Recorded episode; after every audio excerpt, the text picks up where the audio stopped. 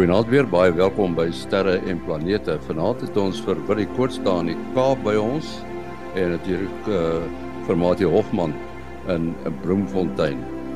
Nou Willie wat nogal in die nuus was die uh, afgelope tyd was die missiel wat vanuit 'n vliegtyg of uit 'n vliegtyg se vlek gelanseer is. En uh die lansering het toe eintlik nie afgeloop soos wat hulle dit wou dat afloop nie, né? Nee? Ja, dis korrek. Dit is eintlik bietjie meer as 'n missiel, dit was 'n vuurpyl ja natuurlik. Virgin Atlantic soos ons hom ken, het mos 'n afdeling Virgin Orbit. En uh ja, interessante, hulle praat van 'n space launch en uh dis nie heeltemal 'n vreemde konsepie, maar dit sou nou eintlik um uh, 'n uh, deurbraak gewees het gewees het in die sin van dat dit van af uh Engeland van Engelse grondgebied uh uh gelanseer sou gewees het nou eintlik weer eens die vliegtyg styg maar net op uit Engeland uit. Um maar dit sou vir vir vir Brittanje die 9de uh, land gemaak het om uh om ook in die in die in die noem dit maar in die ruimte deel te hê in daai in daai klub te speel as jy dit so wil staan. Ja, so dis eintlik nou Richard Branson se se maatskappy en ehm um, dis eintlik interessant. Dit is 'n dit is 'n 747 wat uh omtrent oor 'n miljoen passasiers in sy lewe al vervoer het en en toe nou on, onder onder die um Virgin Atlantic uh, uh, uh, vlag en uh um en is is toe nou her ge of verander om omgeskakel om om nou 'n sogenaamde airlines te kan doen. Nou uh die die vierpyl word dan eintlik onder die onder die een vlerk gehang en en word dan opgevat laat val die vierpyl metode steek aan ensovoorts. So hierdie spesifieke tipe vliegtyg uh was reeds toegerus met die uh, uh moontlikheid om om 'n om 'n ekstra engine onder sy vlerk te dra. Uh, uh ons ken 'n 747 met twee uh, motore onder elke vlerk en um en en die ene het het spasie vir 'n vir 'n vir 'n 'n derde uh, engine aan die een kant. En uh dit klink nou snaaks, hoekom sal 'n vliegtyg nou so uh, snaakse ekstra engine ronddra? En dit was net uit praktiese doeleindes om net die engines ver, te vervoer. En uh want uh, so 'n engine weeg omtrent 6 ton en ons weet as jy hom in die vragruim probeer laai, uh die engine se se se buitekant is mos nou maar sagte blik in en hy was nou nie bedoel om om op sy op sy op sy pens neergelê te word nie. Uh so jy sal vreeslike monteermeganismes en alles in jou vragruim wou insit en ek is nie seker of hy kan pas nie. So dit was 'n baie 'n uh, 'n uh, uh, interessante en slim manier eintlik om om engines te vervoer vanaf een plek na 'n ander uh, soos dit nodig was om die vliegtye te diens en reg te maak ensovoorts. So die die oorspronklike klamp vir die vir die ekstra engine is toe nou aangepas sodat dit nou kan beheer word dat die vierpyl daar hang. Die vierpyl weeg so 3 ton meer, so 9 ton. Dan uh, uh, word die uh, uh, klamp nou gemodifiseer sodat dit dit die die uh, vierpyl kan laat los wanneer dit dan op die hoogte bereik.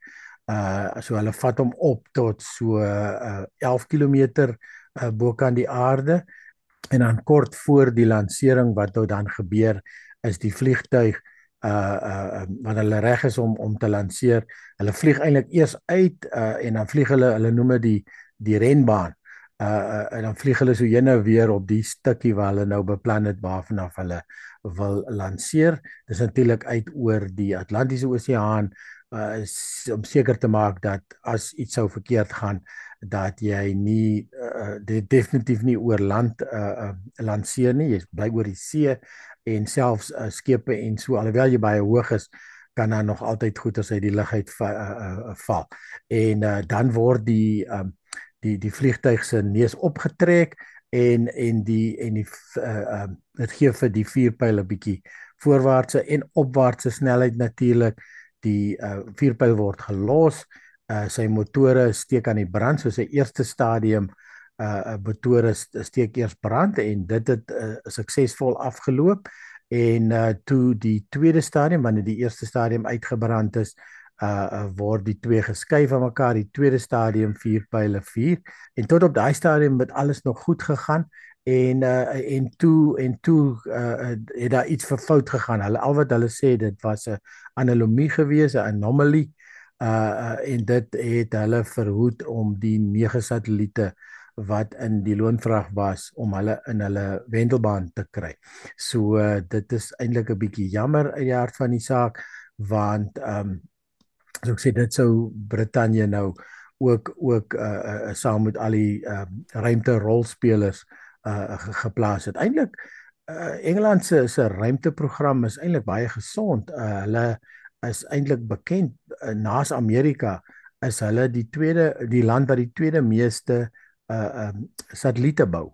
En uh daar's altesaam omtrent 47000 mense in Engeland wat uh werksaam is in die uh, satelliet uh, besigheid en en op tot op die stadium het hulle nou uh meestal maar daar natuurlik van ander lande, Amerika en ook um in Rusland gebruik gemaak om hulle vuurpyle in die in die of hulle satelliete te lanseer.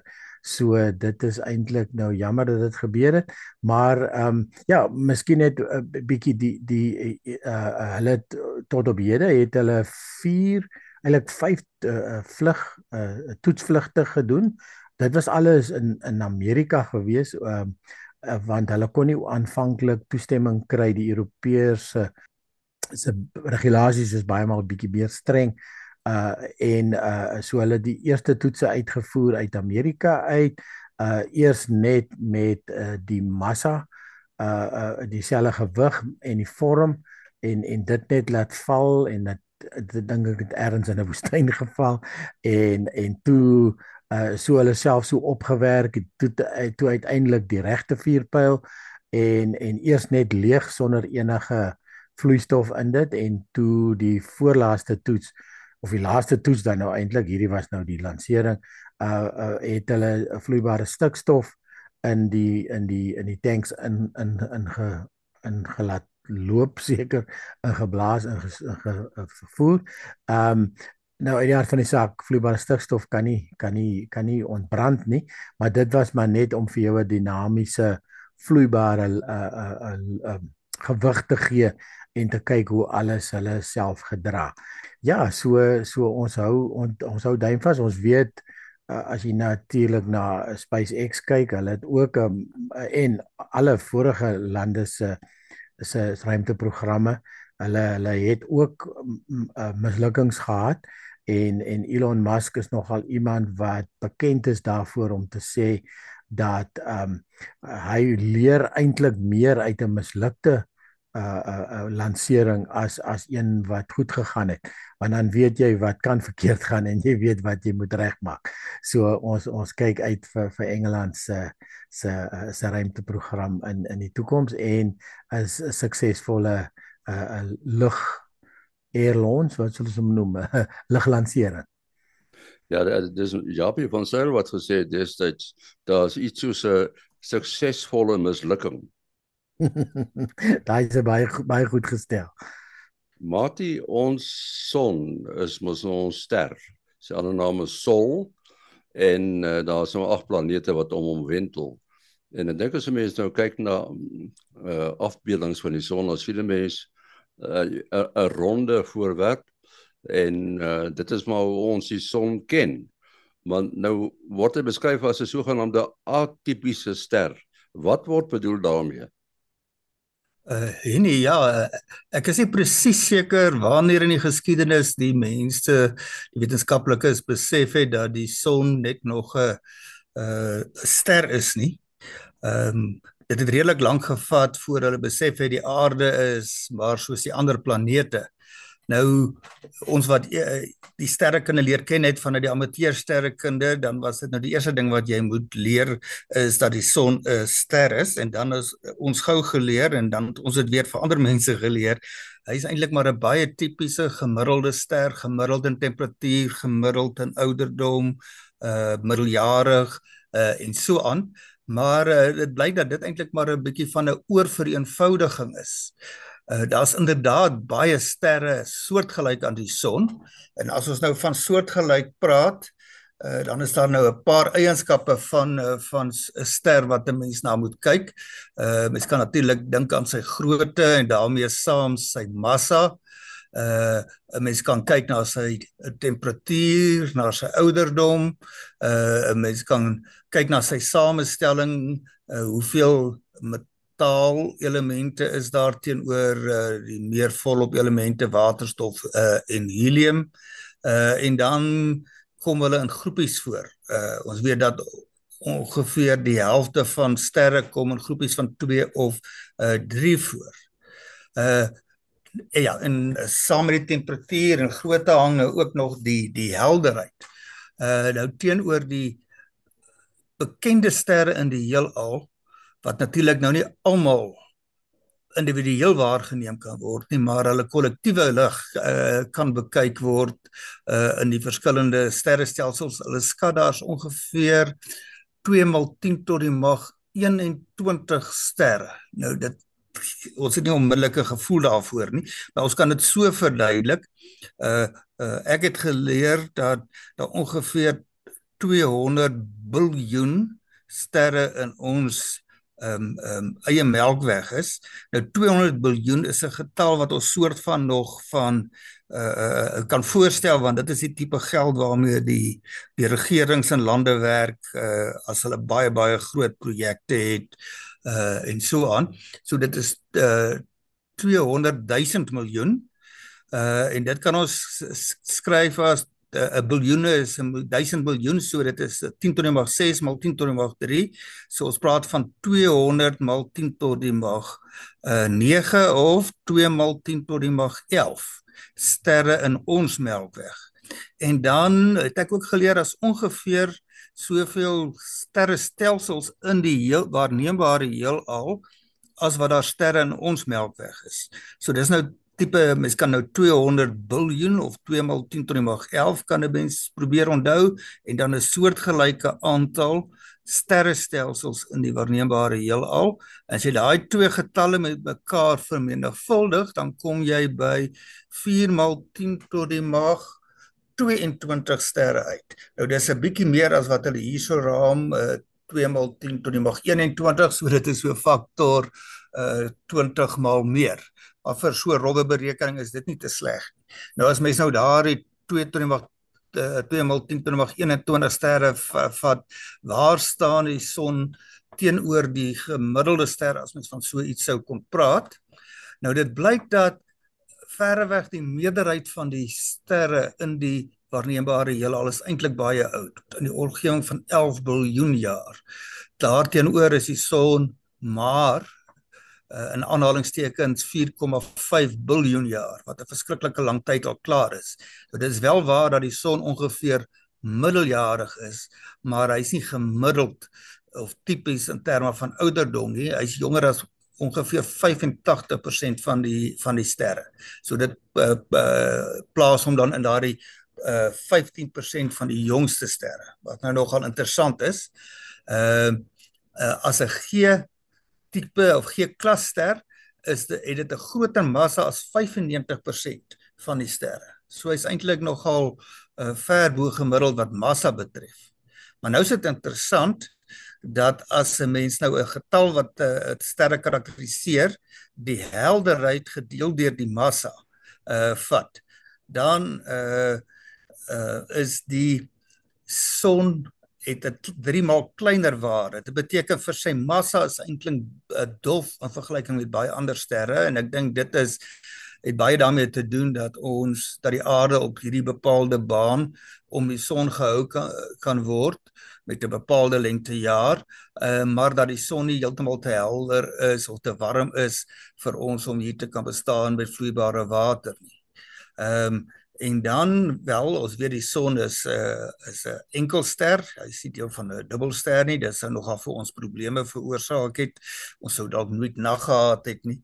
Ehm um, en dan laastens uh die son is nou omdat dit nie 'n eerste generasie nie, seker al 'n tweede, derde generasie ster. Dit beteken hy's gevorm uit uh uit materiaal in die ruimte wat deel van vorige sterre was en in sterre word swaarder elemente, swaarder as waterstof en helium gevorm tot dit nou uiteindelik by die metale kom.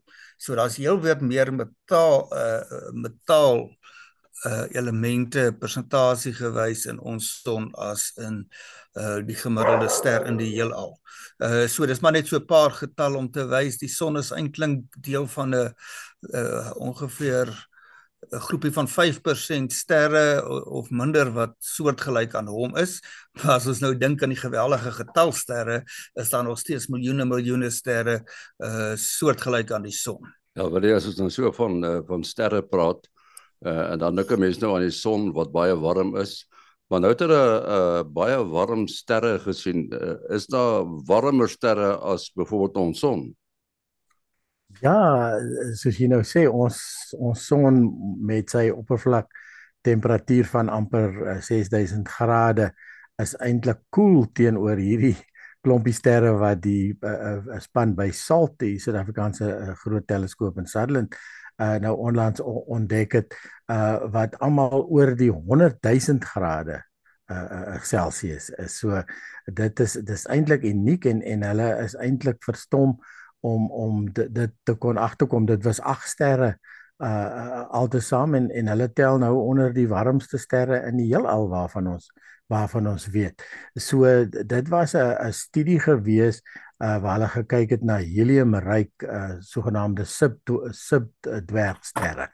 Ehm um, nou 'n dwergster uh, is tipies uh wanneer 'n 'n ster aan die einde van sy lewe kom uh hy afhangende van sy grootte natuurlik sal hy allerhande uh inkrimp en uit en weer uh, afblaas uh, van sy buitenste laag af af af afskiet eintlik en en die kern uiteindelik wat oorbly uh, uh is is tipies 'n dwergster of of dan 'n subdwergster wat uh die eintlik die die die die die um die warmste uh, materiaal of die warmste sterre dan nou is uh, wat uit uit um uit gewone materiaal bestaan kan jy maar amper sê. Uh, ons ons is nou nog nie by die by die neutronsterre en dan uiteindelik gravitasiekolke. Hulle hulle lê weer in 'n ander klas. Ehm um, en uh, ja, so uit uit die studie het hulle toe nou hierdie ag uh, uh, uh, baie baie warm sterre gekry. Uh almal uh, warmer soos ek sê as 100 000 grade waarvan die warmste 180 000 grade is. So dit is ehm um, dit uit die aard van die saak, dit nou 'n klomp vrae laat ontstaan hoe hoe hoe kom sterre dat hulle so warm is en en so soos wat ons nou ook nou eendag al gesê het met die James Webb gaan ons naderhand vra ek gaan 'n klomp van ons vrae beantwoord maar dit gaan ook nuwe vrae uh, uh daar stel wat ons nie eers geweet het ons wou vra nie soos wat ons meer en meer uh van die goeters uit uitvind. So ehm um, uh, uh ja so een van die redes natuurlik hoekom so ster so warm kan bly is die die die inkrimping wat uh want want tipies as jy ons son sou vat en jy sou hom indruk in of laat uh, uh, uh mekaar druk dat dit so groot is soos die aarde. Nou uh die uh die die aarde soos ons weet is wat is dit hierso by die 40000 km in deursnee die son is 1.2 miljoen uh, kilometer in deursnee. Ek meen daar kan meer as 1.2 miljoen uh, aardes kan binne in die son pas. So jy kan nou dink wat se digte materiaal gaan jy kry as jy die hele son se massa so so mekaar druk dat dit net in die aarde uh, so groot impas impas. Ehm um, so wat jy dan natuurlik ook kry is dat die ehm um, die die oppervlaktemperatuur die oppervlak is dan nou baie klein omdat uh, uh hierdie hierdie groot klomp massa uh, so saamgedruk is en en wat minder uh omdat die oppervlak klein is is daar minder uh, plek vir die hitte om te om te ontsnap. Ons weet 'n 'n 'n kar se se se verkoeler is is is baie pypietjies en baie vinnetjies juis om die area groot te kry dat die jy van die hitte ontslaag kan raak. So ja, baie interessante studie en ontdekking hierso en hier in Suid-Afrika gedoen.